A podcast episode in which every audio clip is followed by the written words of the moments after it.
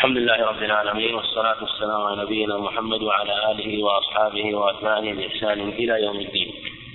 هذا النوع من علوم الحديث من أهم علومه وذلك أنه يبتني عليه معرفة قسم من الأحاديث الضعيفة التي يكون ضعفها بالمخالفة لمن هو أوثق منه. يقول رحمه الله وإن يخالف الضعيف الثقة من غير له مثبتا. الضعيف هو الذي يكون سيء الحفظ أو كثير الخطأ والغلط أو مختلطا أو ما أشبه ذلك من أسباب الضعف في الرواية. فإذا كان الحديث من طريق راو بهذا الوصف ثم روى خبرا خالفه فيه الثقة. فهو في الحقيقة كما يقال يعني اجتمع فيه وصفان مضاعفان كما قيل حشفا وسوء كيلة فهو تمر رديء وكيل رديء وإحداهما سبب في ضعفه. فالضعيف إذا روى الحديث أو روى الخبر لا لا تقبل روايته لكن إذا كان مع ضعفه خالف خالف فإنه أشد في الضعف. سيأتي أنه يسمى المنكر. فعندنا في الضعيف في من روى خبرا وكان ضعيفا بسوء حفظه أو تخليطه أو كثرة غفلته وخطئه وما أشبه ذلك. ثم هو أيضا مخالف فإنه يجمع وصفين من الضعف وهذا من أشد أنواع الضعف في الحديث ولهذا يسمونه منكر. لو كان وصفا واحدا لكان ضعيفا. لكن إذا كان وإذا كان جمع الوصفين فإنه يكون منكر. كما لو مثلا سمعت بخبر أو بلغك حادثة من الحوادث الواقعة وبلغك من طريق صحيح من شخص تثق به أخبرك بأنه وقع كذا وكذا. فهذا فهذا خبر صحيح من طريق صحيح. فلو جاءك إنسان آخر أخبرك عن هذه الواقعة لكن قال إنها وقعت في المكان الفلاني والثقة أخبرك أنها وقعت في مكان آخر. وقال هذا إنها وقعت بين فلان وفلان والثقة قال بين شخص آخر غير من أخبرك به الضعيف. ففي هذه الحال في هذه الحال ترد خبره ولا تقبله من جهة أنه ضعيف الرواية حتى لو لم يخالف. الأمر الثاني من جهة أنه أنت عندك معرفة بالخبر أنه ثابت من طريق صحيح عندك خلاف ما روى على الضعيف. فتقول يا أخي خبرك منكر خبرك منكر. فقد ثبت عندي من طريق ثقة أنه كذا وكذا. هكذا أيضا في الرواية في الأحاديث. إذا روى الضعيف خبرا خالف فيه غيره من الثقات فإنه يشتد ضعفه وسيأتي تسميته في كلام مصنف رحمه الله. نعم.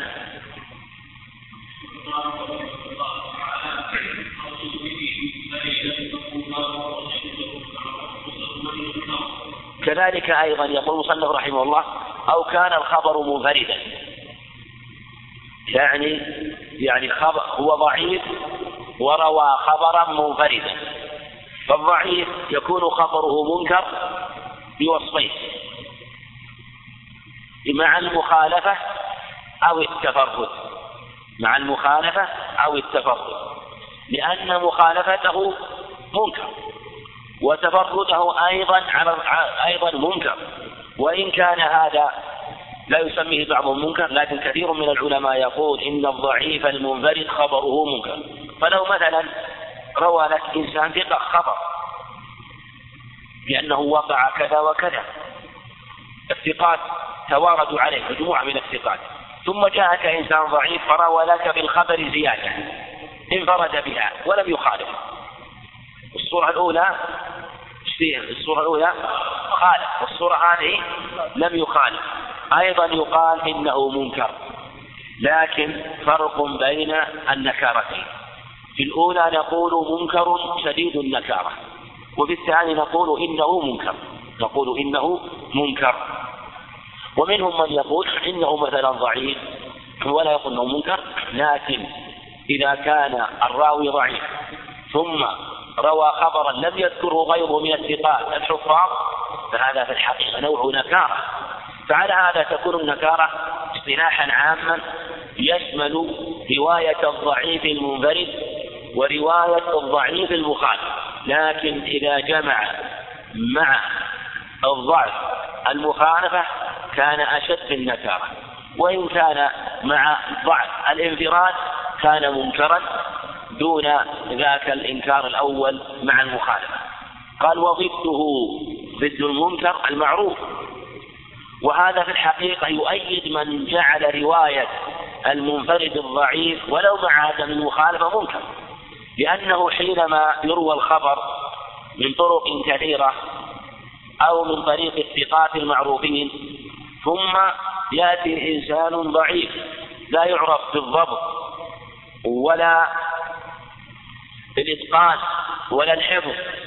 ثم يروي لنا هذا الخبر ويزيد فيه زيادات وإن كانت غير غير مخالفة نقول المعروف عندنا وتقول له الذي أعرفه في هذا الخبر الذي أعرفه في هذه الواقعة كذا وكذا لأنه هو الذي رواه الثقات الحفاظ.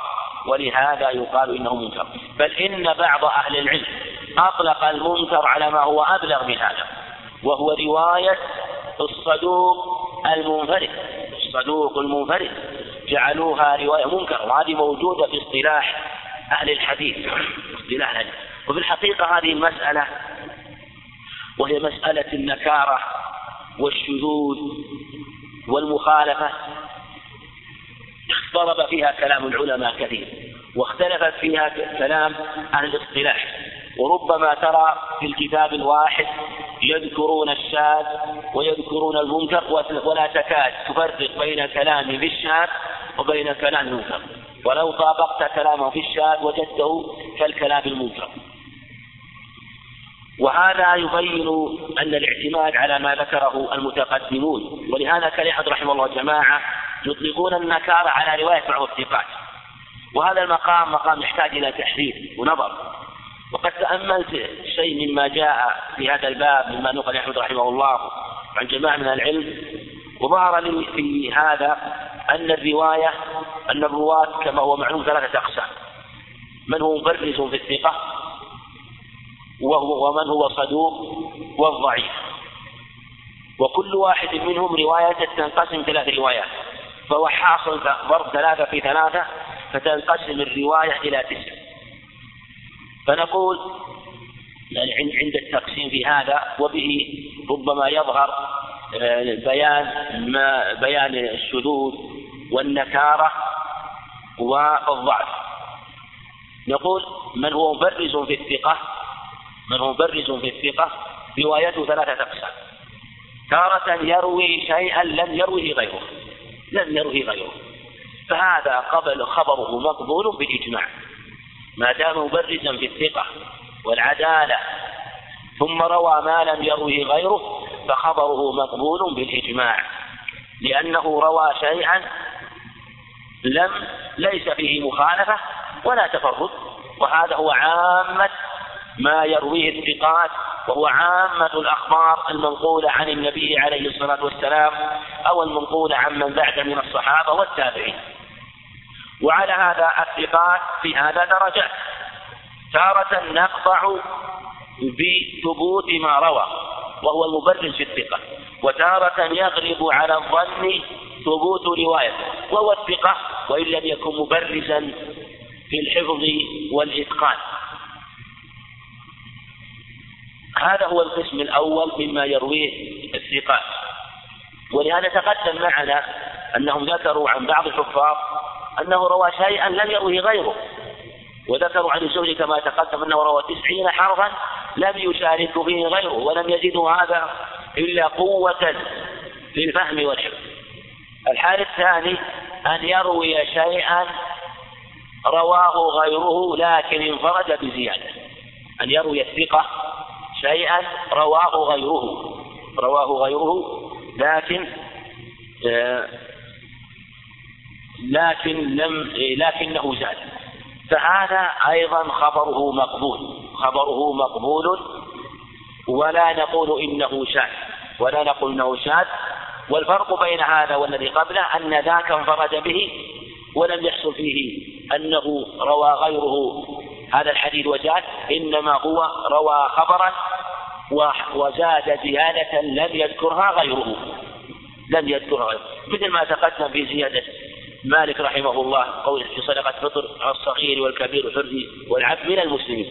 كذلك قوله وجعلت تربتها لنا طهور جعلت تربتها كما زاده بعض الثقات عند مسلم. المشهور جعلت جعلت الأرض لنا طهورا زيادة تربتها أيضا جاءت من رواية الثقات أو رواها الثقة فزاد فهي مقبولة. هذه حينما يروي شيئا رواه غيره لكن زاد نقول هذا مقبول. لكن آه هذا مما يحتاج إلى النظر. ينظر إن كان الذي زاد هذه مبرزا بالعدالة والثقة فخبره مقبول قطعا. وإن كان الذي زادها ليس مبرزا بالعدالة والحفظ إنما هو مثل الصدوق فهذا يغلب على الظن أنها صحيحة. يغلب على الظن ما لم يكن عندنا دليل على عدم ثبوتها. إذا هذا ينقسم إلى قسمين. يقال إنه إن كان من زاد مبرزا في العدالة والثقة فنقطع بها كما نقطع بما رواه منفردا به لم يروه غيره. كذلك نقطع بما زاد وإن رواه غيره لكنه زاد عليه. فالمبرز بالعدالة لا يضره سواء انفرد أو روى ما لم يروه غيره. إنما إذا كان صدوقا إذا كان صدوقا فهذا هو أو دونه بالثقة هذا هو محل البحث والنظر آه، ويأتي له زيادة في القسم الثاني. الحال الثالث من رواية المبرز بالعدالة والثقة أن يروي شيئا خالف غيره. خالف غيره. خالفه غيره. فهذا إن كان المخالف له ضعيف فلا عبرة برواية الضعيف. فلا عبرة برواية الضعيف. لأن رواية الثقة هي المحفوظة المضبوطة. ورواية الضعيف ماذا هي؟ ضد المعروف؟ هي الرواية المعروفة المضبوطة. ضد المعروف؟ ضد المعروف؟ المنكر. ضد المعروف المنكر. ضد المعروف المنكر. يعني رواية الضعيف منكرة ورواية رواية الثقة هذه معروفة رواية معروفة. فعلى هذا لا عبرة برواية الضعيف. وإن كان الذي خالفه ثقة ثقة مثله فإن أمكن ننظر. إن أمكن الجمع بين الروايتين فكلاهما صحيح ولا مانع أن يؤخذ بهذا وهذا.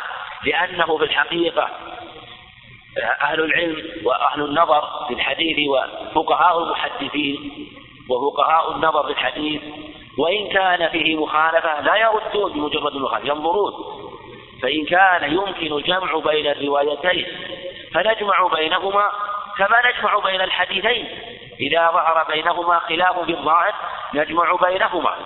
كذلك أيضا إذا كان هذان الخبران يمكن الجمع بينهما يمكن الجمع بينهما وجب الجمع بينهما لأن هذا ثقة وهذا ثقة ولا تمييز لترجيح أحدهما عن الآخر. هذه حالة.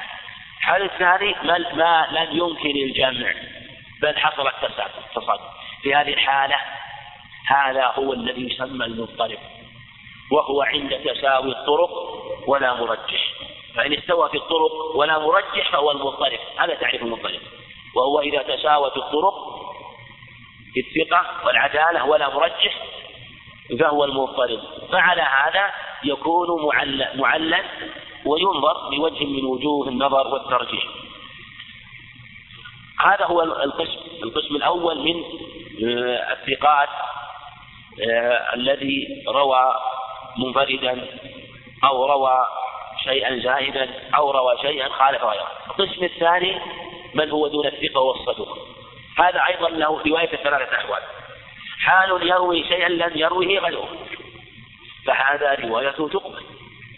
وإن لم يكن مبرزا في الثقة والعدالة لأنه لو لأنه كما لو جاءنا خبر من طريق الصدوق حكمنا بأن إسناده حسن. ولو لم نحكم ولو لم نقبل روايته لم نقبل الحديث الحسن. الحديث الحسن هو هو رواية الصدوق والصدوق هو الذي خف ضبطه فروايته مقبولة. وهذا مفروض فيما إذا لم يتابعه غيره. أما إذا تابعه غيره فبكثرة الطرق كما يقول حافظ بكثرة الطرق يصحح. فهذا هو الصدوق ونقبله. وهذا قول أهل العلم قاطع. ومنهم من آه، يعني جعل رواية الحسن يعني ألحقها بالضعيف وجعل الصحيح قسم وما دون الصحيح قسم لكن الصواب أن رواية الحديث إذا كان راويه في مرتبة الصدق فروايته مقبول لأن ليس عندنا شيء نعل به نعل به خبره. الحال الثاني أن يروي شيئا رواه غيره فزاد. الحال الأول انفرد بالحديث. الحال الثاني روى شيئا زاد غيره، زاد في الإسناد رجل، زاد في المتن شيء. في هذه الحالة. ننظر في من زاد في زيادة. إذا فإن كان فإن كانت زيادته هذه زيادته هذه يعني أو زيادته يشترط أن لا تخالف. فالأصل أنها مقبولة. الأصل أنها مقبولة كما تقدم معنا في قوله وترمة وأنا طهور كذلك في قوله عليه الصلاة والسلام يغسل ذكره وأنثيين. حديث الصحيحين ذكره. في رواية جيدة عند أبي داود وغيره وجاءت لها متابع عند أبي عوان هناك زيادة الأنثيين. من طريق جيد زيادة. من طريق جيد نقبلها وليست مخالفة. زيادة غسل الأنثيين لا تخالف زيادة غسل الذكر زيادة فنقبلها. لكن هو في الحقيقة رواية الصدوق أو زيادة الصدوق. زيادة الصدوق وإن كنا نقبلها لكن هي محل التفصيل. تارة نقبلها. تارة نقبلها. وتارة نردها. وتارة نتوقف فيها. نقبلها إذا غلب على الظن ثبوتها. لأن يغلب على الظن ثبوتها. لا نقطع ما نقطع. لنقطع زيادة الثقة نبرز. لكن الصدوق يغلب على الظن ثبوتها. هذا هو الأصل ما لم يأتنا شيء يبين الخطأ. الحال الثاني نردها. ما نقبل وإن كان صدوق. وإن لم يخالف. متى؟ نعم. إذا غلب لكن متى يغلب على الظن؟ نعم. نعم عندنا دليل عندنا دليل. مثلا هذا صدوق روى خبر. الحديث جاء من طرق كثيرة برواية الثقات ولم يذكروا هذه الزيادة ولم يذكروا هذه الزيادة. مثل زيادة مثلا يعني قول بسم الله الرحمن الرحيم في حديث قسمت الصلاة بيني وبين عبد المسلمين في بعضها رواية بسم الله الرحمن الرحيم. كذلك يأتي حديث من سلامة واجعل إحدى آياتها. هذه ينظر إن كان يعني قد تكون من هذا الجنس حينما يجمع الرواة على عدم زيادتها فيأتينا إنسان صدوق فيزيدها هو في الحقيقة وإن كان صدوق وزادها لكن كونه انفرد بها دون غيره من الثقات وإجماعهم على عدم ذكرها مما يغلب على الظن ماذا؟ الخطأ فيه لأنه ليس مبرزا للحفظ والإتقان حتى نقبلها. إنما هو في درجة الصدوق والصدوق معرض للخطأ. فإذا كان معرض عندنا دليل على الخطأ وهو إجماع الرواة غيره على عدم ذكرها مما يغلب على الظن خطأه. في هذه الحالة نقول إن الرواية خطأ. تارة نتوقف. وهو إذا روى رواية زادها وغيره لم يذكرها وغيره لم يذكرها لكن الذين لم يذكروها ليسوا بتلك الكثرة. محتمل أنه أثبت غلطها ومحتمل أنهم يضبطها هذه موضع تردد موضع نظر واجتهاد فينظر فيها من يبحث فما غلب على ظنه حكم به.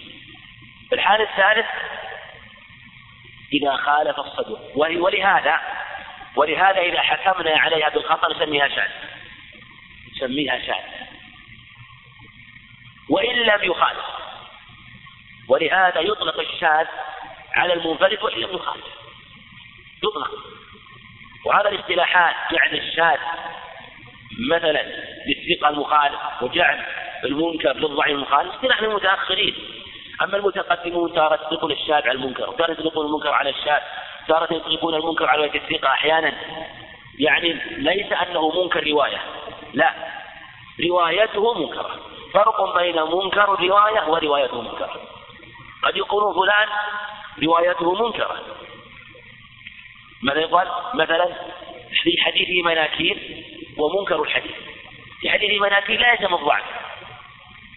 لا يلزم الضعف. ومنكر الحديث يلزم منه نكارة رواية. هذا يطلق عليه إنه يقال إنه شاذ ما حينما ينفرد ونحكم بالخطأ يقال أيضا إنه شاذ. لأن حينما لم نثبت الرواية نسميه شاذا وربما سمي منكرا أيضا. ربما سمي منكرا. الحال الثالث إذا كان الصدوق خالف غيره. خالف غيره. مثل ما تقدم في أقسام رواية الثقة المورث العدالة. فإذا خالف غيره فهذا حكم روايته؟ الثقة إذا خالف أو الصدوق إذا خالف نعم بس يسمونها عندنا اصطلاح مساوي الشاذ. فالثقة إذا خالف شاذ. الصدوق من باب أولى وهذا يقال له أيضا شاذ ويقال له منكر. ممكن تسمي الرواية التي انفرد فيها الصدوق مع غلبة الظن خطأ تسميها شاذ. والتي خالف فيها تسميها منكر. ممكن رواية منكر. وهذه جاءت في في اصطلاح كثير من العلم. هذه ستة أقسام حاصل رواية الثقة والصدوق القسم الثالث رواية من؟ الضعيف. رواية الضعيف. نعم.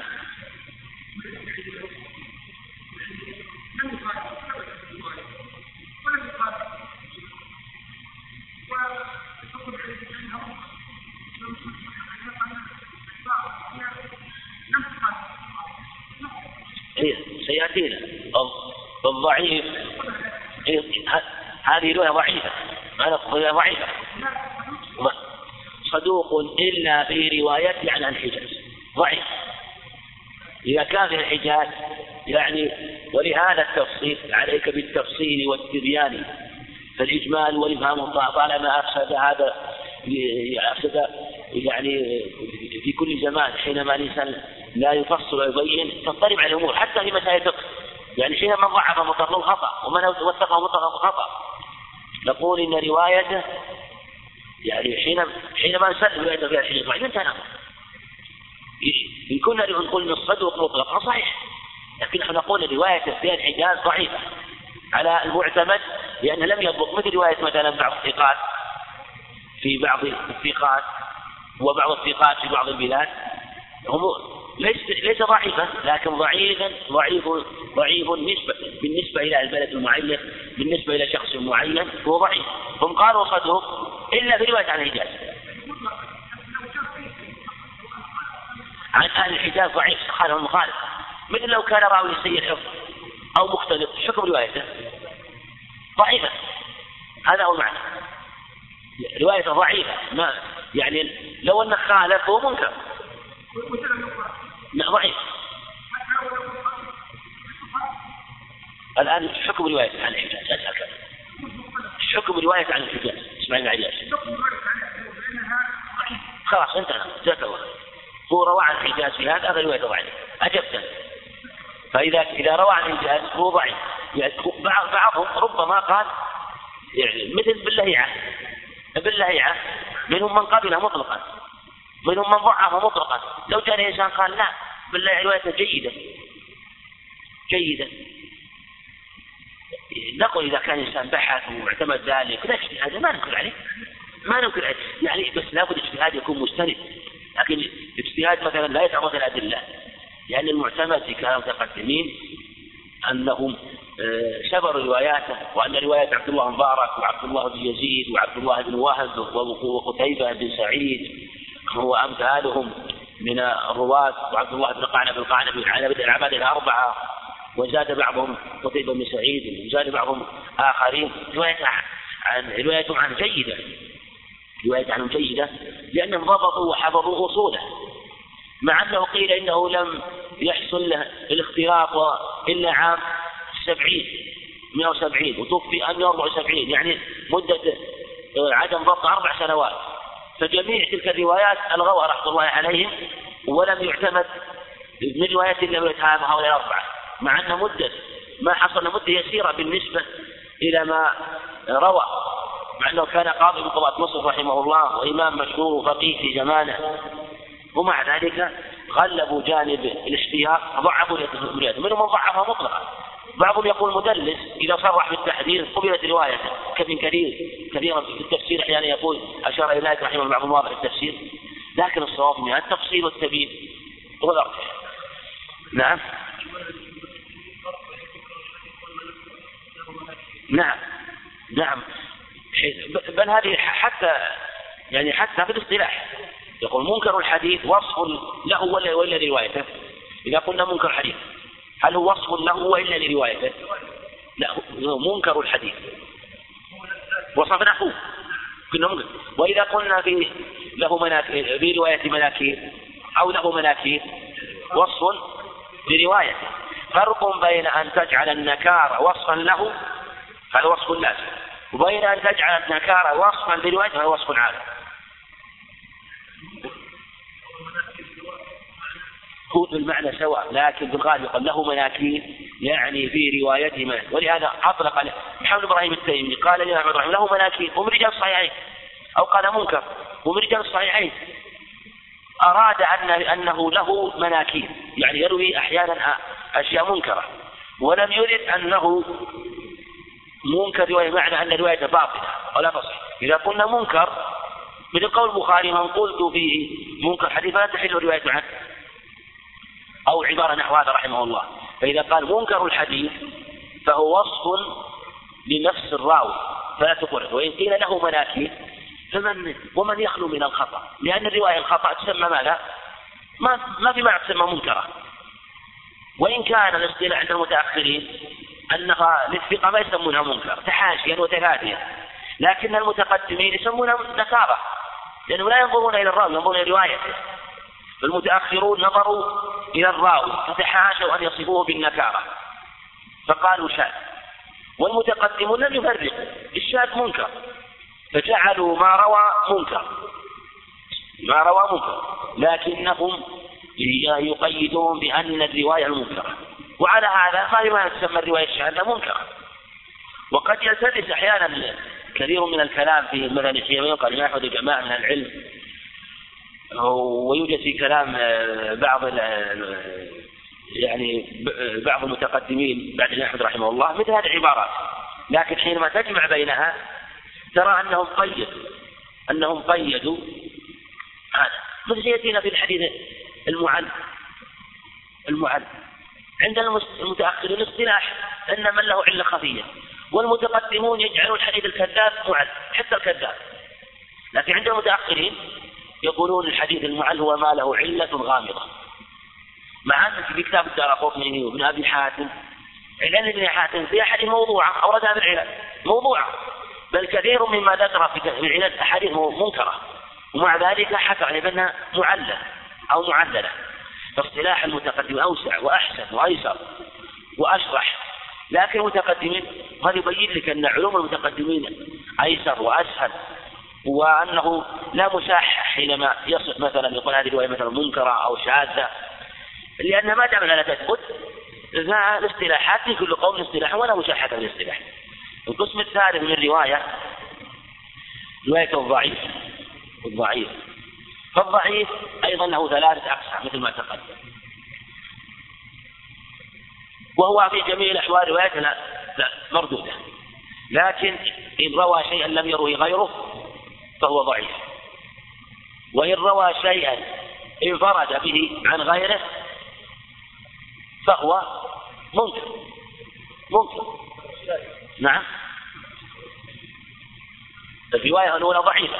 الثاني شديد الضعف يعني منكر شديد الضعف. مثل مثل مثل الأقسام اللي قبلها يعني الأولى روى حديثا انفرد به. الرواية الثانية روى زاد شيئا لم يروه غيره. زاد زيادة لم يروها غيره. فهذا أشد الضعف يسمى منكر أو آه، شديد الضعف. الثالث أن يروي شيئا خالفه في غيره. خالفه في غيره. فهذا في الحقيقة منكر أشد في النكرة أو شديد النكارة. أو شديد النكارة. هم يطلقون في الغالب على على الضعيف المخالف منكر. لكن ما يجب أن تقول إن إنه شديد النكارة. شديد. لأنه مع ضعفه خالف. لكن حينما تكون المخالفة مخالفة الضعيف لإنسان ثقة مبرز لا شك أنه منكر. وإن كان مخالفة الضعيف لإنسان مثلا ليس مبرزا في العدالة والثقة قد يقال إنه آه، منكر وليس شديدا في النكارة. وقد تحكم على الضعيف هذه قد مع آه، حينما يروي شيئا تجزم بأنه غلط واقع فيه تحكم بأنه موضوع كما يقع في روايات بعض الضعفاء فهذه حاصل يعني آه، أقسام الرواية بالنسبة للثقة والصدوق والضعيف وبها يتبين تسمية الشاذ والضعيف والمنكر والمحفوظ والمعروف. فالشاذ يعني كما سيأتي اصطلاح والمعروف له اصطلاح والمحفوظ له اصطلاح. نعم.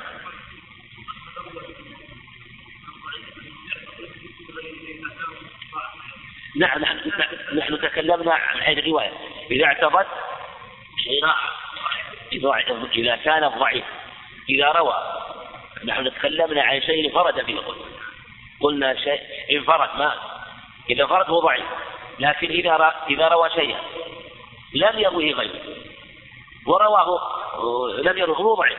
لكن إذا تابعه عليه غيره شكون ما بحسب غيره. لكن فرضناها لأن كلامنا في المخالفة والشذوذ وهو إذا روى شيئا انفرد به أو لم يروه غيره انفرد به أو لم يروه أو خالف فيه. نعم.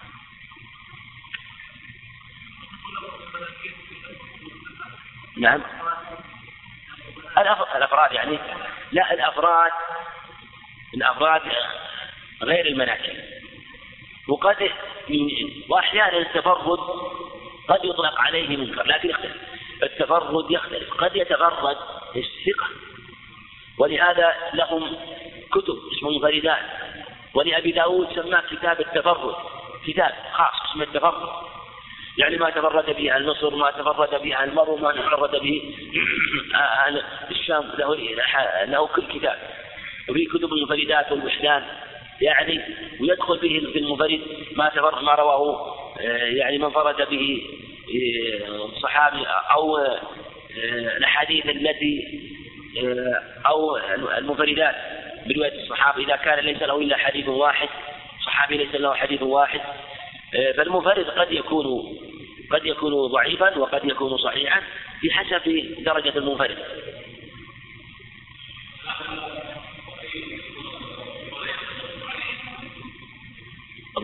الضعيف إذا كان إذا إذا كنت تقصد انفرد يعني روى شيئا يعني إذا إذا شذ يعني. إذا كان إذا كان انفرد معنى أنه شيء لم يروه غيره. هو ضعيف. شيء لم يروه غيره. انفرد به. فهذا ضعيف. لا ما يقال لا ما يقال إلا إذا كان شديد الضعف. شديد الضعف. أما إذا كان أنه انفرد بشيء هو سيء مختلط مثل ما نعرف. نقول إسناد الأحاديث نقول إسناد ضعيف. لأن راويه ضعيف. وانفرد به مثلا. نعم.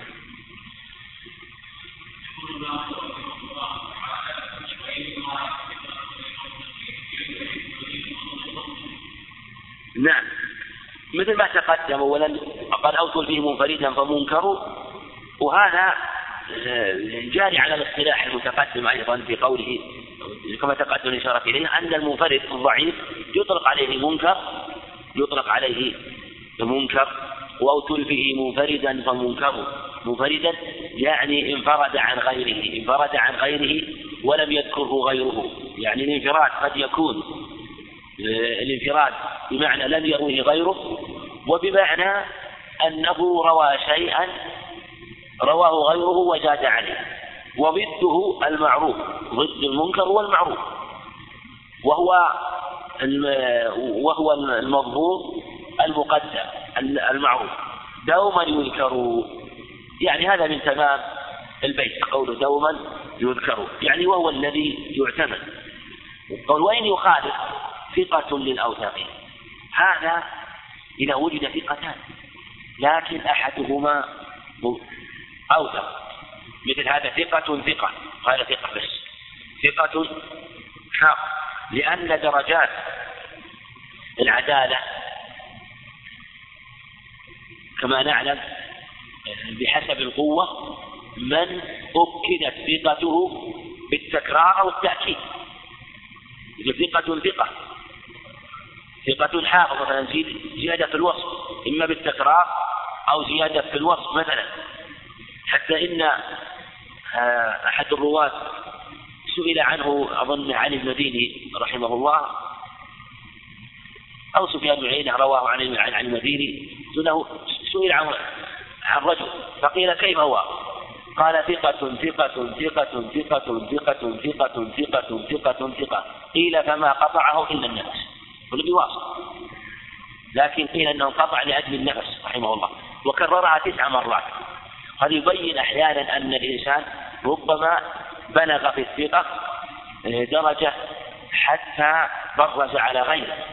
فلا شك أن المخالفة لها تأثير. وتارة تكون مخالفة الثقة للثقات. يعني وإن كانوا مثله. وإن كانوا مثله. لكن كان جانبهم أرجح من جهة أنهم أكثر وتارة تكون مخالفة للثقة من جهة أنه أوثق منه. ولا شك أننا نستطمئن لمن هو ثقة حافظ في ترجيح روايته دون من هو ثقة ولم يكن حافظ وإن يخالف ولهذا جاءوا بالمخالفة في الثقة. لأنه إذا لم يخالف فروايته مقدمة. هذا مثل ما تقدم معنا أن الثقة أن الثقة إذا روى شيئا وإن رواه غيره فروايته مقبولة. تقدم معنا إذا كان صدوق وانفرد بشيء أن محل تفصيل تقدم التفصيل. لكن إذا كان مع المخالفة وإن يخالف ثقة للأوثق أو ينفرد أو ينفرد هذه الحق شرط هذا مهم هذا عبارة مصنف الحقيقة توحي بأنه آه، يعني أشار إلى أمور مهمة. قال أو ينفرد قليل ضبط فانطقي. أو ينفرد قليل ضبط فانطقي. إذا خالف الثقة للأوثق أو انفرد قليل ضبط فانطقي كم البيت اللي بعده. هو في الحقيقة البيت المفروض أن يكون بعده رقم أربعين. يعني ما أدري كيف وقع هذا لأنه فانطقي بالشأن. وهذا ترتيب الأحسن يكون بعده البيت رقم أربعين. فانطقي لأن قول فانطقي وأطلق مو مستقيم. وأنا شفت في الأصل هكذا لكن يضر يتبين إما أن المصنف ألجأه إليه النظم أو أنه وقع خطأ في في نفس الطبع. وهو موجود هكذا يعني تسلسل الأبيات اللي يظهر والله أعلم قول فانطقي بالشاء هذا هو المراد. هذا هو المعنى. لأن قول فانطقي تنطقي بماذا؟ لابد أن يأتي آه، جواب الأمر هذا. جواب الأمر. ما جاء ما جاء جواب. قول فانطقي واطلقوا مو مستقيم الكلام. نعم. نعم. واقرأ البيت اقرأ البيت يقدم البيت هذا حتى ينظر. أنا ما عندي فيها الآن لكن لا يستقيم إلا أن يكون بعدها البيت رقم 40 نعم. ثمانية نعم 39 يكون هو 40 مثلا أو يكون وأطلقوا في المحفوظ يكون مثلا يمكن يكون نعم يكون نعم 38 وبعده وأن يخالف. نعم. يكون احتمال يكون أطلقوا المحفوظ بالمقال الشيء تميما بشأن الكامل لأن كرر الشأن. نعم اقرأ وأن يخالف وبعده ها؟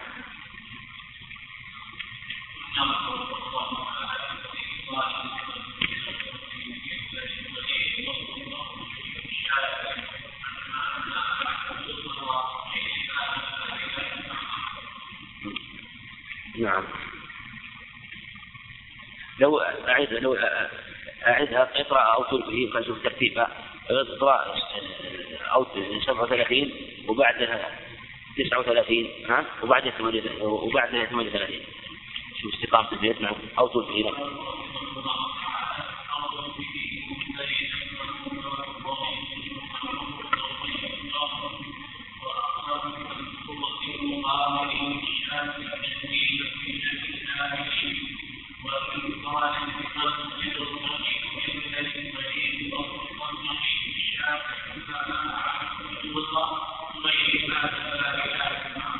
مستقيم مقال نعم.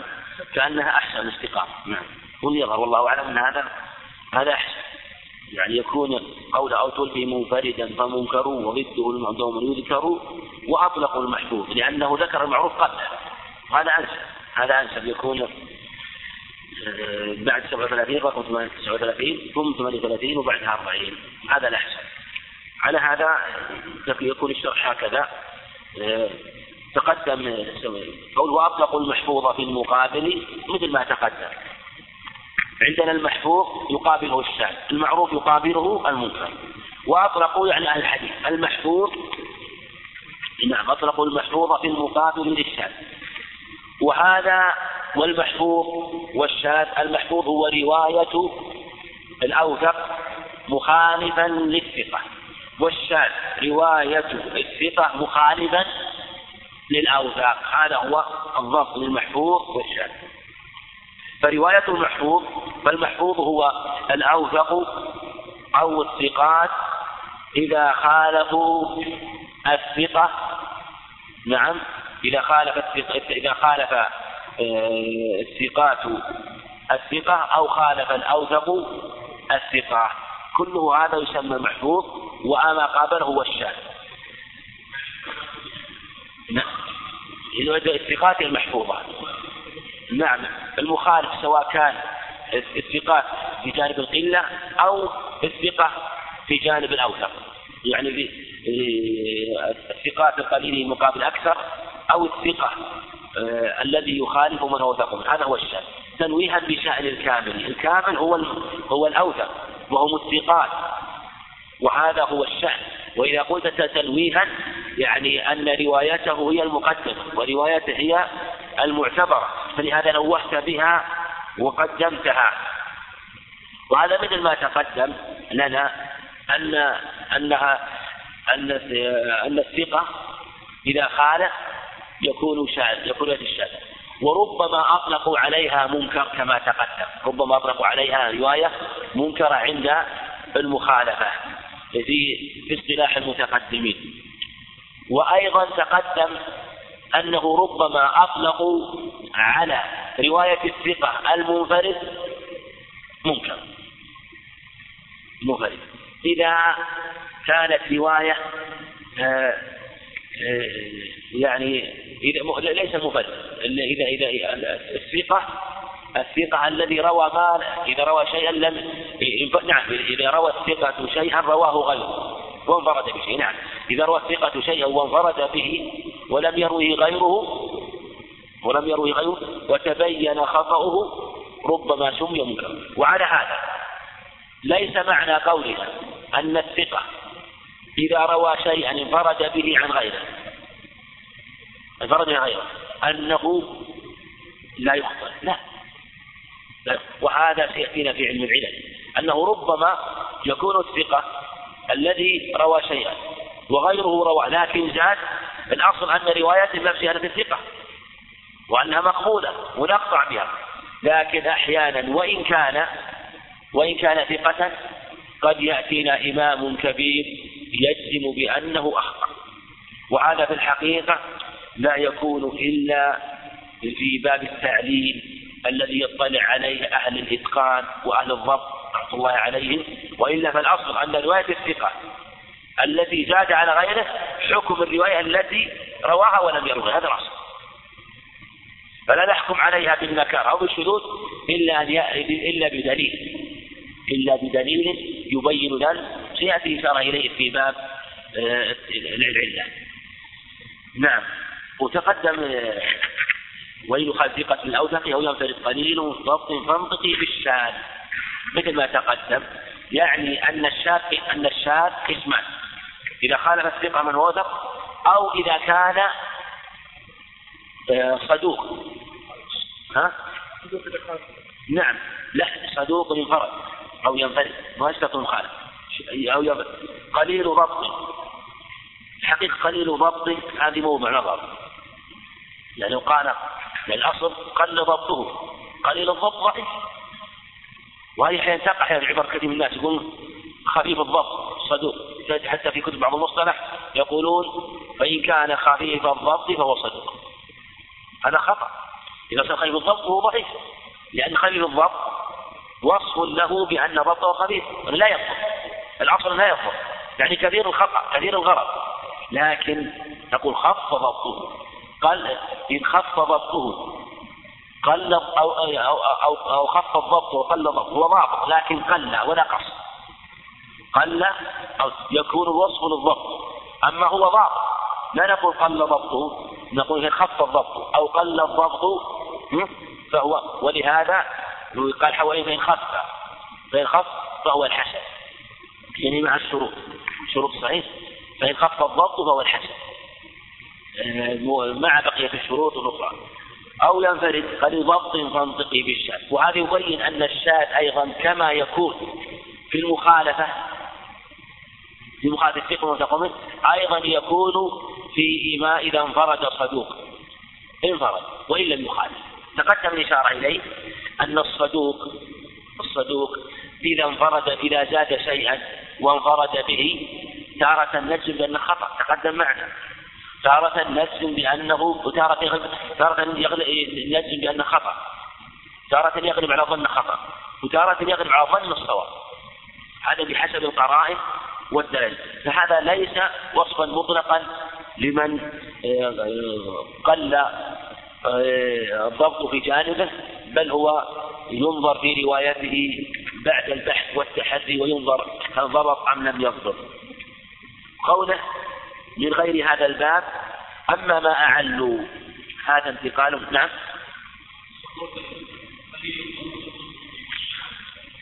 نعم.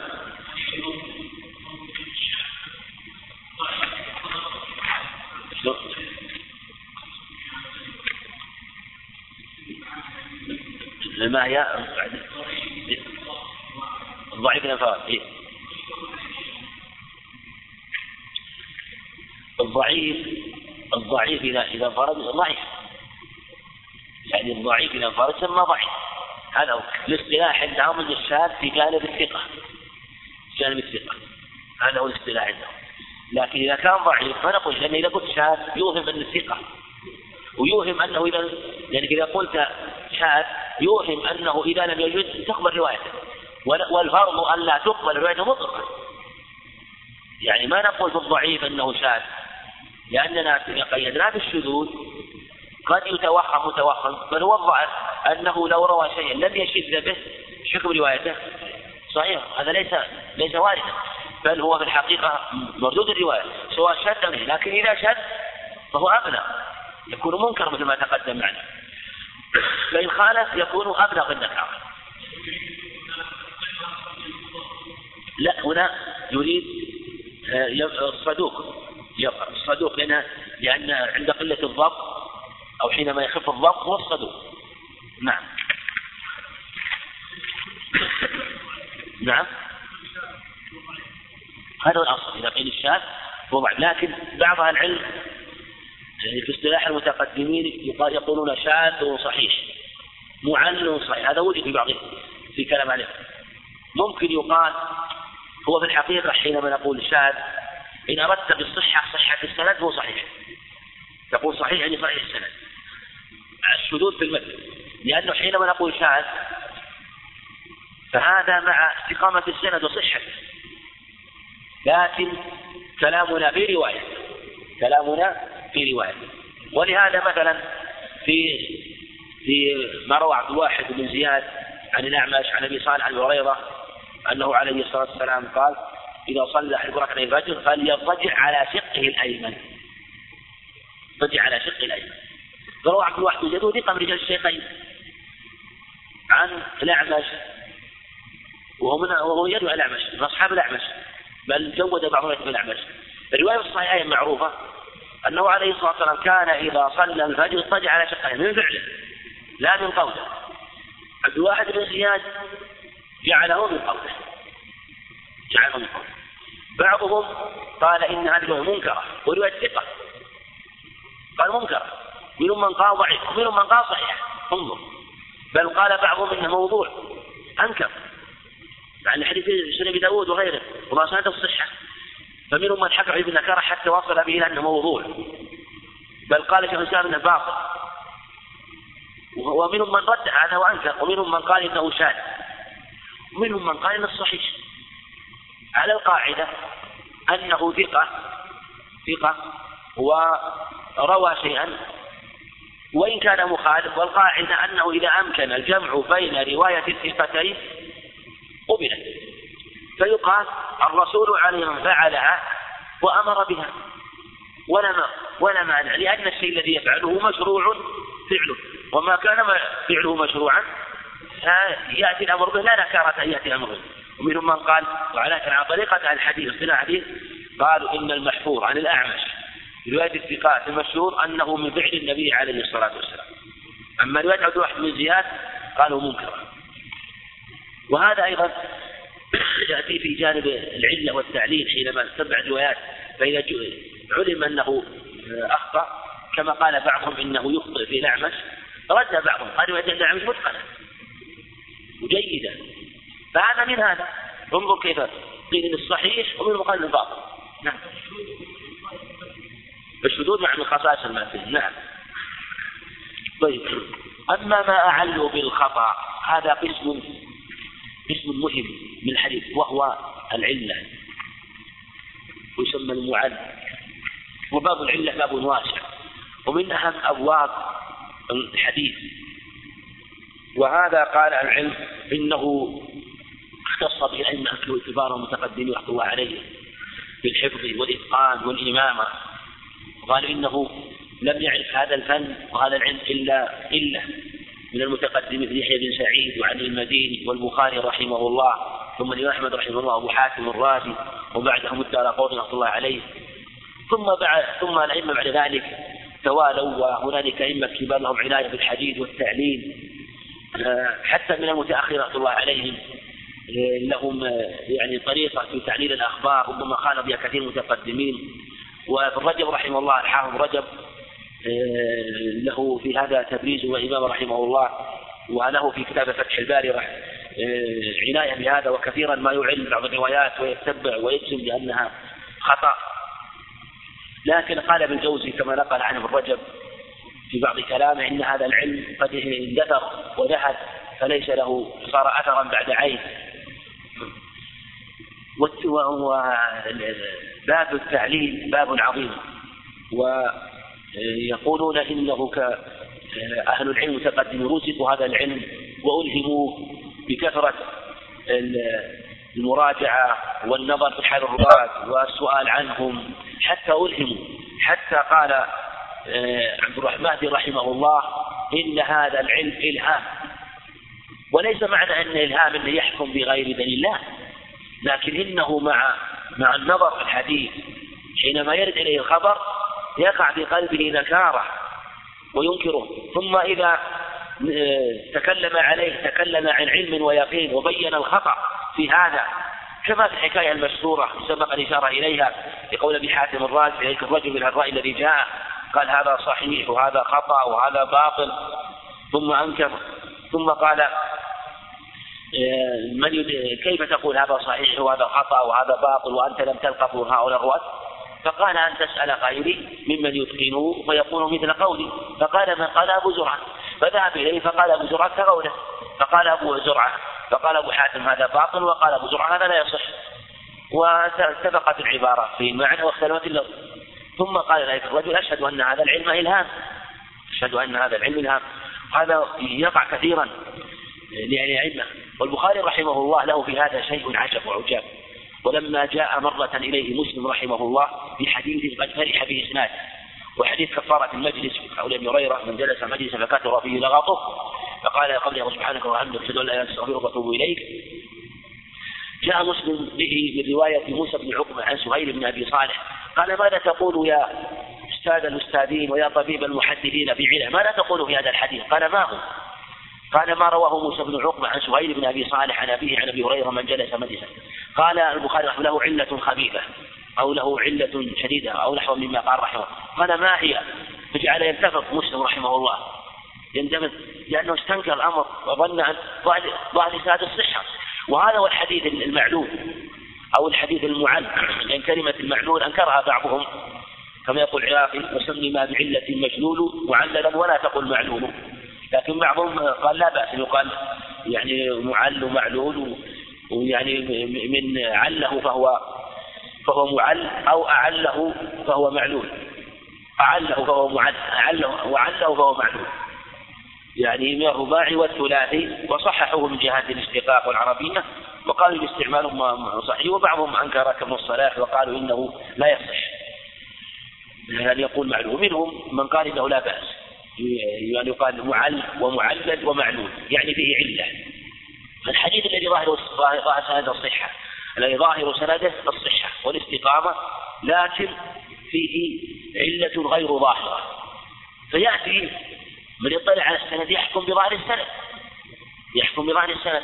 وهو في الحقيقة فيه علة لما جاء مسلم بهذا الحديث إلى البخاري رحمه الله وقال له علة تغير وانتظر. قال واستعجل ما الأمر؟ قال إن هذا رواه رواه وهيب بن خالد الباهلي عن سهيل بن أبي صالح عن عون بن عبد الله بن عتبة قوله يعني من قوله يعني أنه مقطوع وليس مرفوعا إلى النبي عليه الصلاة والسلام.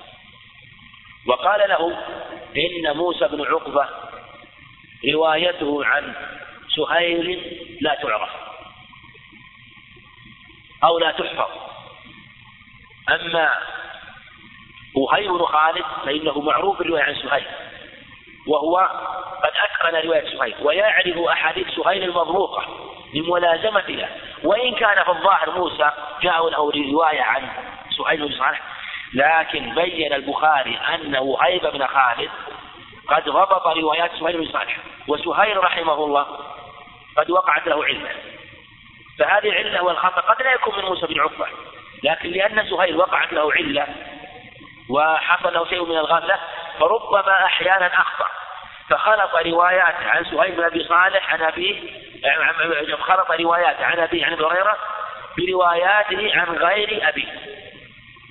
لكن وهيب بن خالد قد ضبط روايات سهيل. فيعرف رواية سهيل الجيدة الموصولة من رواية عن أبي هريرة ومن روايته عن غير هريرة عن غير أبي عن أبي هريرة مما رواه مقطوعا عن عون عتبة عن عون بن عتبة وأمثاله وموسى بن عقبة ليس له عناية فلم يلازمه. فإما أن يكون خطأ من سهيل فجعله عن أبي هريرة وإما أن يكون موسى بن عقبة أنه جرى على الجادة. فعند ذلك سلم له مسلم وقبل يديه ورجليه وجعل يدرس ويأخذ عن ابن رحمة الله عليه. ولهذا سهيل رحمه الله قالوا إن له أصابته علة. أصابته علة لرأسه فكان ربما أخطأ رحمه الله. وكان ربيع بن أبي عبد الرحمن يروي عنه يروي عنه. وكان يخطئ وكان قد نسي. وكان قد نسي. فمرة هذا سيأتينا في المخالفة إشارة إليها يعني أنه ربما روى سهيل فيقول حدثني ربيعة عني عن أبي عن أبي هريرة. يقول حدثني ربيعة عني. عني لأنه وقع له شيء من الوهم فيقول إن رواية ربيعة عني متقنة فربما وقع لربيعة أنه أنكر بعض الروايات. أنكر بعض الروايات مما رواه. فيقول ربيعة سهيل مما رواه. فيقول ربيعة أنت رويت هذا عن أبيك ونسيت. فهو ينسى ما يدري. فمن تحرزه ما يروي عن أبيه مباشرة لكن يروي عن تلميذه. يقول حدثني عني. حدثني ربيعة عني عن أبي عن أبي هريرة. يأتينا فيما إذا أنكر الشيخ رواية تلميذه لم ينكر. فعلم العلل علم عظيم. علم عظيم. ولهذا المصنف رحمه يقول ما أعل بالخطأ من غير هذا الباب يعني من غير الشذوذ والنكارة لكن مع غطاء مع غطاء الشيء المغطى لا يتضح. فهي في علة لكن عليها غطاء من يكشف الغطاء أهل العلم المتبصرين. فظاهرها إسنادها مستقيم وإسنادها جيد لكن عليها شيء من الغطاء من جهة أنه لا يظهر إلا للمتبحر بهذا العلم. فيأتي المتبحر بهذا العلم فيقول الرواية خطأ لا غلط. من ذلك مثلا يعني أبو أسامة حماد بن أسامة ثقة حافظ رجال الشيخين رحمه الله. ومن ومن الأسانيد المشهورة المعروفة في هذا الباب أن عبد الرحمن بن يزيد ابنان كلاهما يروي عبد الرحمن بن يزيد ابنان واحد ثقة وواحد ضعيف. عبد الرحمن بن يزيد بن جابر ثقة من رجال الشيخين عبد الرحمن بن يزيد بن تميم ضعيف. وكلاهما جاء إلى الشام وأبو أسامة حمد أسامة في فجاء عبد الرحمن بن يزيد بن جابر الثقة ودخل الشام فلم يروي عن حماد بن سالم حماد بن سالم وكان يعرف عبد الرحمن بن يزيد بن جابر الثقة. يعرف عبد الرحمن بن يزيد جابر الثقة. فلم يروي عنه. ثم دخل بعده الشام عبد الرحمن بن يزيد بن تميم بعد دخول عبد الرحمن بن يزيد بن جابر. فأدركه أبو أسامة حمد وروى عنه. قال لو مسبوق قال عبد الرحمن بن يزيد. فخرج من الشام عبد الرحمن بن يزيد. فكان حماد بن أسامة إذا روى عن عبد الرحمن بن يزيد يقول عبد الرحمن بن يزيد بن ابن جابر وهو بالحق كمان ابن تميم. وابن جابر ماذا؟ وابن تميم ضعيف. فيأتيك الإسناد عبد الرحمن بن يزيد عن أبي أسامة فالذي ينظر في ظاهر السند يقول صحيح. بل إنه قصد ان حماد بن أسامة عبد الرحمن بن يزيد. يعني حماد بن أبو أسامة يقول حدثني عبد الرحمن بن يزيد. كان حماد بن أسامة يقول عبد الرحمن بن يزيد ابن جابر. يصرح. يقول ابن جابر مع أنه روى عن من؟ عن ابن تميم طيب إذا قال عبد الرحمن بن يزيد بن جابر وش يقول السند؟ صحيح. ما في إشكال. البخاري رحمه الله يقول نحن أعلم بمن روى عن محمد أسامة منه. نحن نعلم أنه لم يروي عن بن يزيد بن جابر. وإن صرح بأنه ابن جابر. وإن صرح فتصريحه خطأ. فهو روى عن عبد الرحمن بن يزيد بن تميم وهذا هو عين التعليل حين يأتيك إسناد ترجع إلى التقريب أو ترجع إلى الكتب الصحيح. عبد الرحمن بن يزيد ثقة يرى ثقة من رجال الشيخين وهو مصرح ابن جابر. لكن يأتيك أهل الإتقان والضبط يقولون عبد الرحمن بن يزيد الذي روى عنه أبو سامة هو عبد الرحمن بن يزيد بن ابن تميم الضعيف لا عبد الرحمن بن يزيد بن جابر الثقة. لا عبد الرحمن بن يزيد بن جابر الثقة. وعندك يخضع أهل العلم غيرهم لهم. طيب قد يقول ما الدليل عليه؟ يقولون أنا بذلك يقولون إن عبد إن إن حماد إن عبد الرحمن يزيد بن جابر. حينما دخل إلى الشام لم يسمع منه حماد بن لم يسمع منه ولم يروي عنه. لأن حديث لأن حديث عبد الرحمن يزيد معروفة. لم يروي عنه. إنما روى عن عبد إنما روى عن عبد الرحمن يزيد الذي دخل أخيرا. ويتبين هذا إما بمن روى يعني بنفس الإسناد أو مثلا بنفس الروايات. يعرفون هذه الرواية ليست من رواية عبد الرحمن بن يزيد بن جابر إنما من حديث عبد الرحمن بن يزيد بن تميم فيحكم الخطأ ولهذا لما وقع الخلاف في حديث آه، حديث أوس بن أوس أنه عليه الصلاة والسلام قال أكتب عليه الصلاة يوم الجمعة فإن صلاة تعرض عليه. قالوا كيف قالوا كيف تعرض عليك صلاة قد عرمت ألا إن الله قد حرم أن تأكل أجساد الأنبياء. آه، في لما قال عليهم الصلاة يوم الجمعة وقال ليلة الجمعة. الحديث هذا علق بعضهم لأنه من رواية عبد الرحمن بن يزيد قالوا ابن تميم لأنه رواه علي حسين بن علي بن جعفي عن عبد الرحمن بن يزيد. بن يزيد هذا هو تميم. فقال البخاري جماعة إن حسين بن علي الجعفي هو الذي عن عبد الرحمن روى عن عبد الرحمن يزيد بن جابر وأبو أسامة هو الذي روى عن عبد الرحمن يزيد بن تميم. فرواية علي بن حسين أو حسين بن علي الجعفي صحيحة لأن عبد الرحمن يزيد في السند هو ابن جابر من طريق علي بن حسين حسين بن علي الجعفي. أما ما روى حماد بن أسامة أبو أسامة فهو عبد الرحمن بن يزيد بن تميم. فهذه فهذه الطرق لا تعرف أو هذه العلة لا تعرف إلا بالخبر عن هؤلاء الأئمة ولهذا خصوا باسم العلة. مع أن العلة كما تقدم في اصطلاح المتقدمين تطلق على المكذوب كما تقدم تطلق أيضا على الضعيف وتطلق أيضا على على على المعلل الخاص المعلل الخاص المعلل الخاص. هذا بين رحمه الله الحاكم في معرفة الحديث وذكرها ابن الصلاح رحمه الله أيضا في علوم الحديث يظهر أنه يعني اختصر كلامه وجمع كلامه آه، في ان اسم العله اسم عام عندهم يشمل هذا وهذا. نعم. نعم.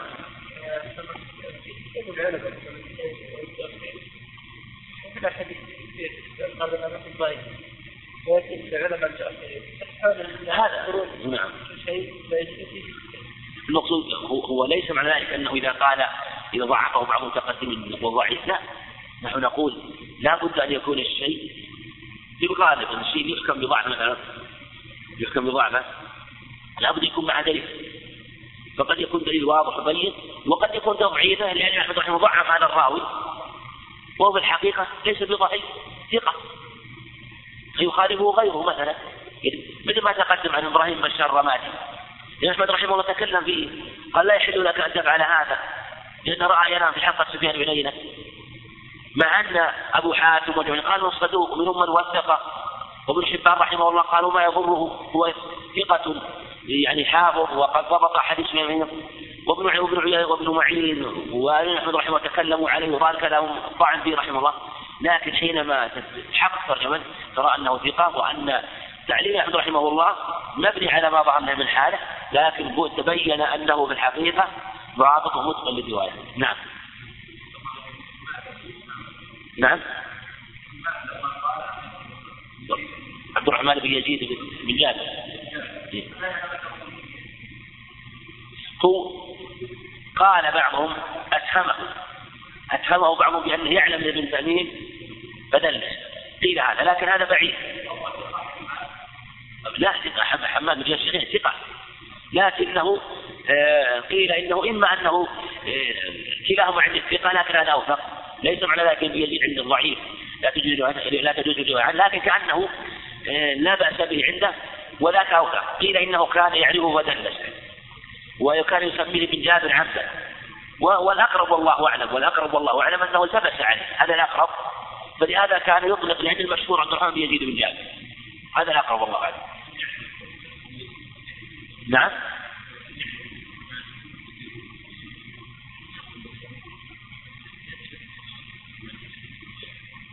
هو صحيح ولا شك أنه لو قال عبد الرحمن يزيد بن ابن تميم وأنه يعني سماه هو حقيقة يعني يشبه بالاخبار بخلاف الحقيقة. صحيح يشبه بخلاف الحقيقة.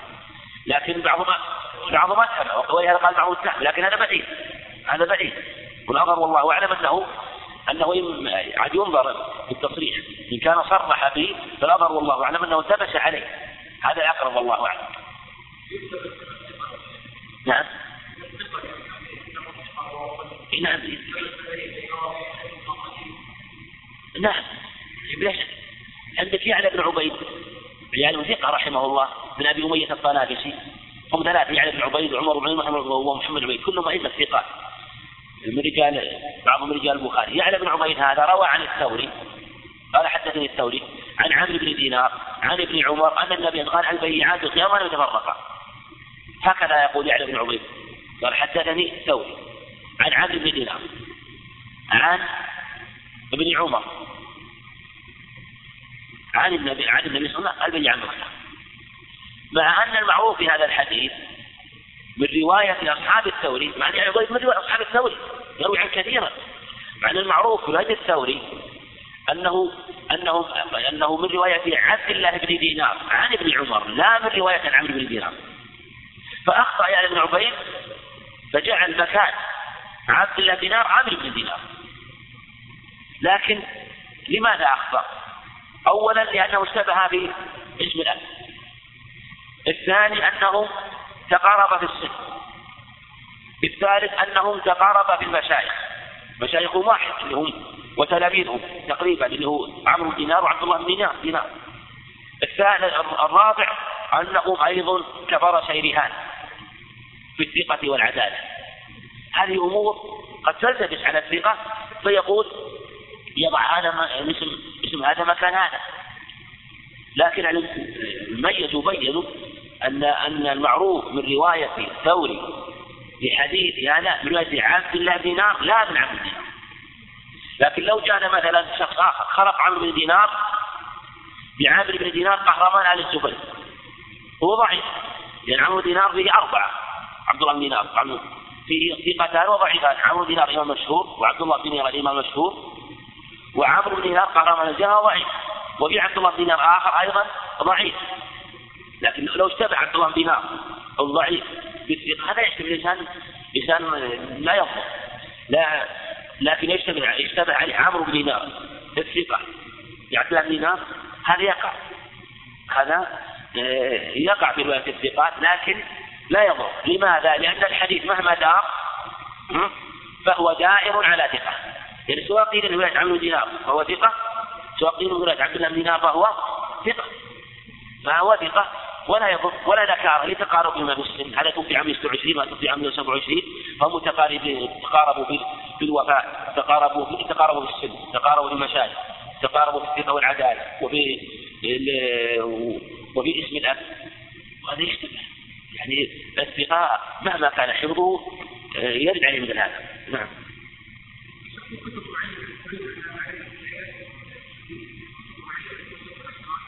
هو هو من أحسن ما يكون أقول كتب أقول كتب العلل كتب مثلا العلل ابن ابي حاتم لكن من احسنها العلل للدار قطني رحمه الله. دار قطني رحمه الله هذا الحقيقة يعني الكتاب هذا يعني إن كان املاه من حفظه كما يقول الذهبي فهذا يخضع له بالإمامة يعني إن كان رحمه الله كتاب يعني عظيم خرج منه مجلدات عدة. نعم. نعم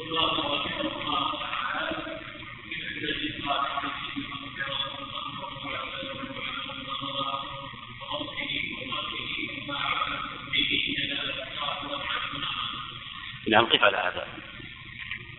قول في العلة القادحة المؤثرة هذا احتراز من العلة غير القادحة. قول القادحة المؤثرة يعني تمام. وصفة كاشفة الحقيقة. ليست صفة مقيدة. قول المؤثرة ليست صفة قيدة إنما صفة كاشفة لأن القادحة هي المؤثرة والمؤثرة هي القادحة. فهو كشف لها وبيان وليس تقييد. ولهذا قال قلنا العلة القادحة حصل المقصود لكن يريد أن يكشف ويبين أنها مؤثرة العلة القادحة. فهذا احتراز من العلة غير القادحة مثل ما تقدم معنا مثلا يعني قد يكون من الحديث رواه آه مثلا رجل عن نافع عن ابن عمر رجل عن نافع مثلا عن عن عين عن عن غير ابن عمر مثلا. فالصحابة فالعلماء يجعلون الاختلاف مثلا في التابع على الصحابي علة فلو رواه مثلا فلو رواه مثلا مجموع الرواة عن نافع وتواردوا عليه عن ابن عمر. وجاء غيره فروى عن عن نافع عن غير ابن عن غير ابن عمر. جعلوا الاختلاف في شيخ ابن عمر ولو صحابي علة مع أنه لا يضر. ما دام أنه سمع من الصحابي. الصحابة عدوا ثقات وهو سمع من هذا وسمع من هذا. هم يجعلونه علة يجعلونه علة نعم. لكن نعم لكنها غير مؤثرة. كذلك أيضا مثل ما تقدم إذا كان حديثا رواه آه، يعني مجموعة من الرواة. عن شيخ. فجاءنا شخص آخر فرواه عن شيخ آخر. شيخ آخر. يجعلونه علة لأنه آه، روى ما لم يروي غيره. مع غير مع مع عدم المخالفة. وهذا ليس علة قادحة لأنه ثقة فيكون حديث عنده عن هذا الشيخ وعنده عن شيخ آخر. ويقع العلة القادحة المؤثرة هذا مثل ما تقدم لنا؟ أنه يبين أن العلة قد تكون قادحة إما بالضعف أو بالنكارة أو أيضا بالبطلان كما يقع في كثير من كتب العلل فهو معلل معلل يعني يبين لك أن يصلح فيه تقول حديث معلل أو معلل متقدم يعني يقال من الصحيح أنه يقال يقال معلل ومعلل. آه، ويقال معلول أيضا. معلل النظرة يعني مثل مصاب بالعين. وأن معنى معنى آه، يعني أعله فهو معل. أعله فهو معل. يعني أصابه بعلة.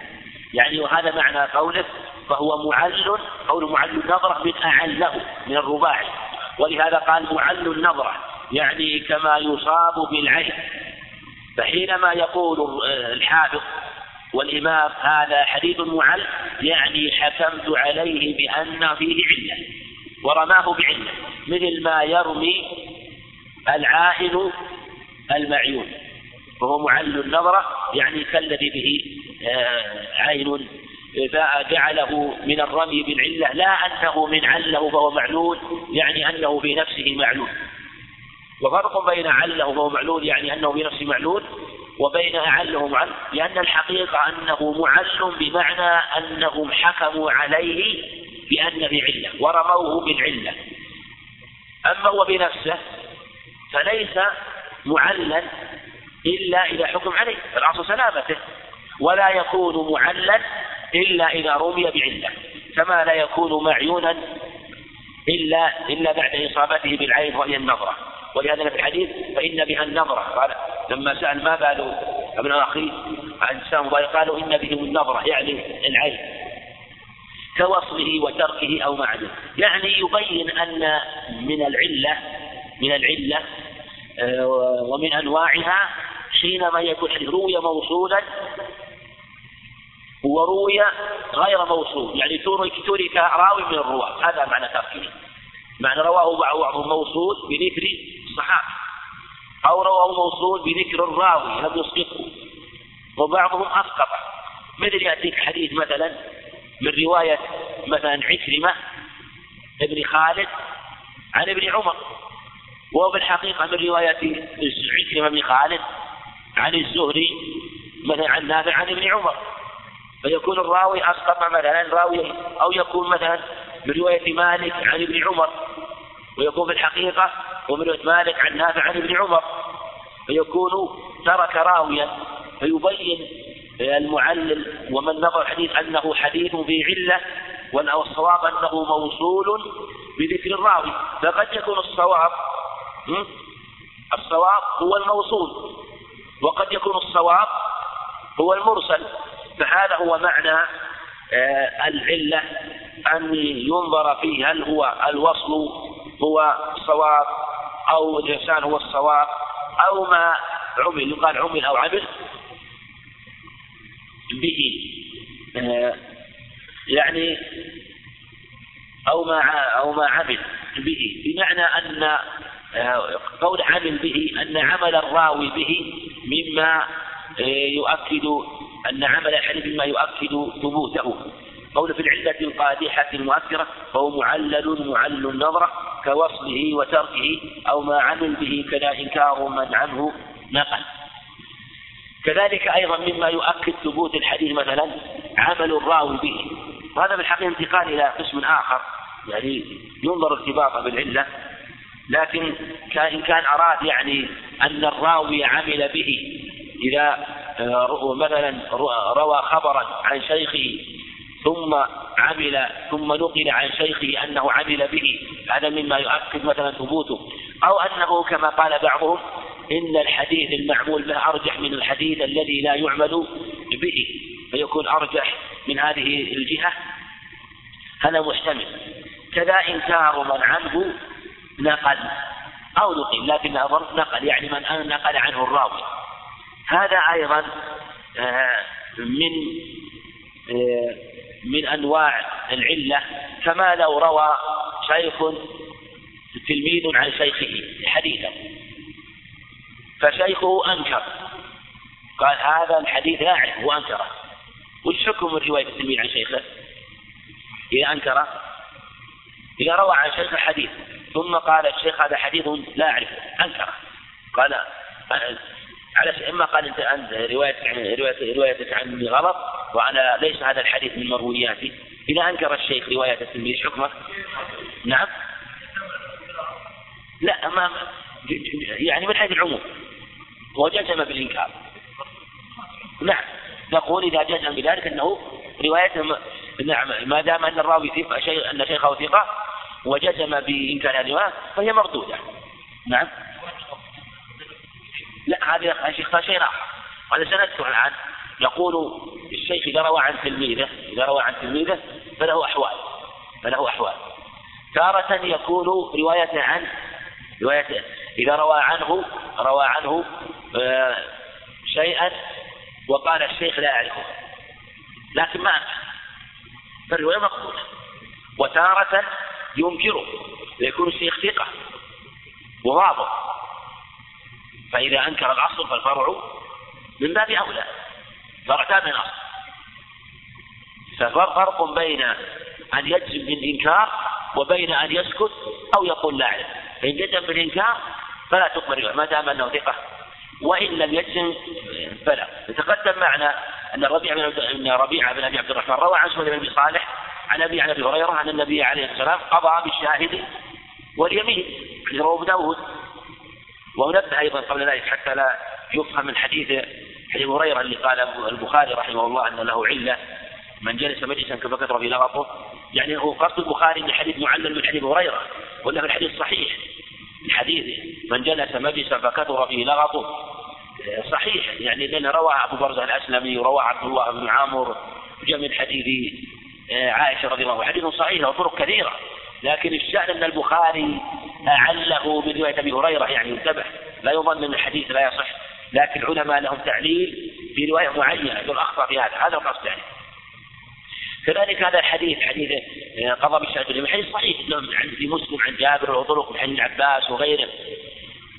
وحديث سرق وغيره. لكنه هذا الحديث هل هل سند ثابت ولا يثبت؟ من حملية سهيل؟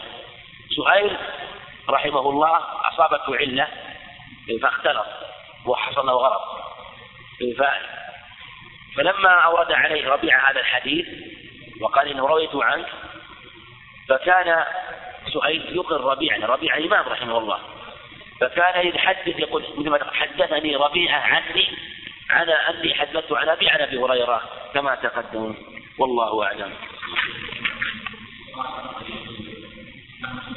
نعم.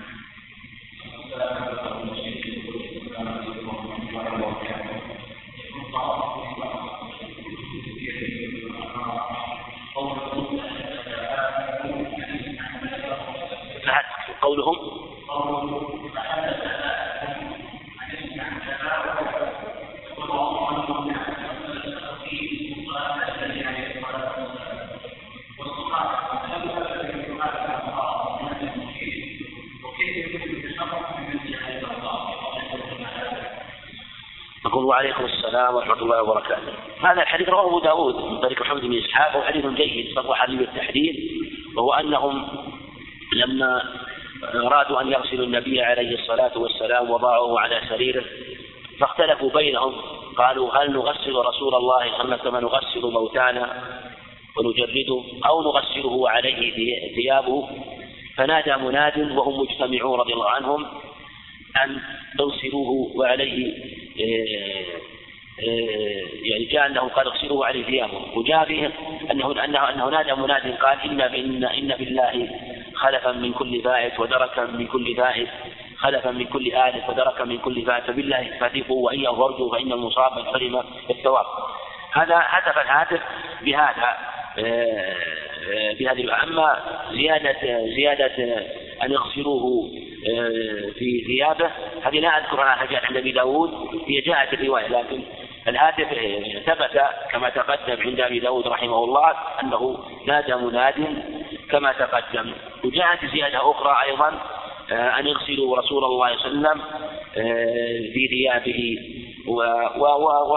عنهم عملوا بهذا عملوا بهذا فغسلوه عليه الصلاة والسلام وعليه ثيابه وقال علي بأبي أنت ونفسي ضد حي وميتا فلم ير منه ما يرى من غيره يعني مما يخرج من غيره من الأموات صلوات الله وسلامه عليه.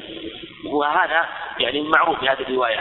لكن كما تقدم ذكر الهاتف جاء في هذه الرواية عن طريق جيد وجاء من طريق أخرى آه، كما تقدم أنه قال اغسل فوق ثيابه وينظر في هذه الرواية هل هي جاءت في تمام عند أبي داود أو عند غيره كالبيهقي في أعلام النبوة أو في علامات النبوة. نعم.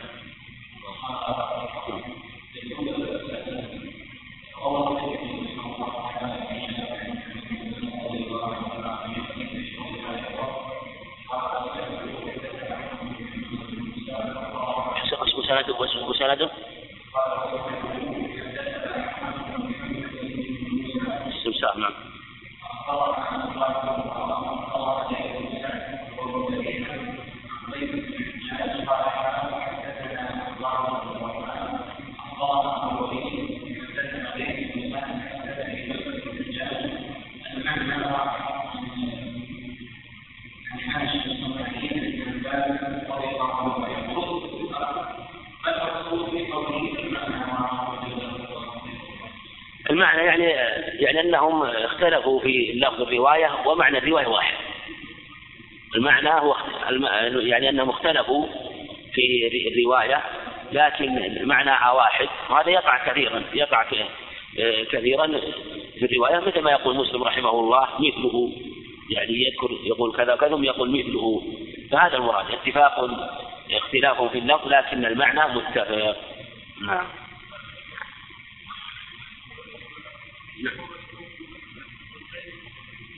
نعم. كيف؟ ضم القدمين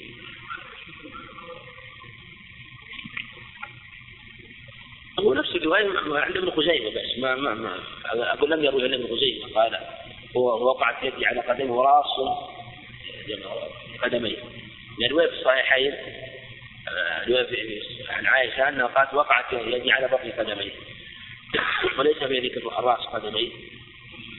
ثم أيضا ثم أيضا يظهر والله أعلم ان نفس رص القدمين مخالف هيئه الصلاة. يعني رص القدمين مخالف. لأن المعروف في الصلاة أن الإنسان يفرج بين قدميه كما يفرج بين فخذيه يفرج بين ركبتيه. السنة هو التفريج في جميع الأحوال. كما انه لأن السجود يحكي القيام. كما أن القائم لا يضم قدميه والراكع لا يضم قدميه. الساجد كذلك. فكيف يكون الضم في حال السجود؟ لو كان لو كان عليه يفعل هذا كان أمر يعني ينقل ثم أيضا ضم قدميه في الغالب إن تميل عن جهة القبلة. من السنة أن تكون أن يكون اتجاه القدمين اتجاه إلى جهة القبلة.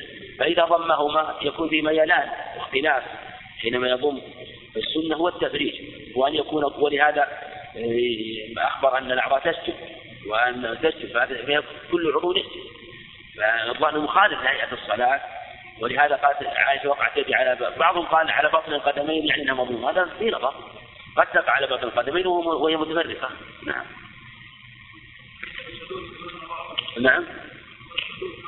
ما دعا مسألة السنة لكنها كلمة إنها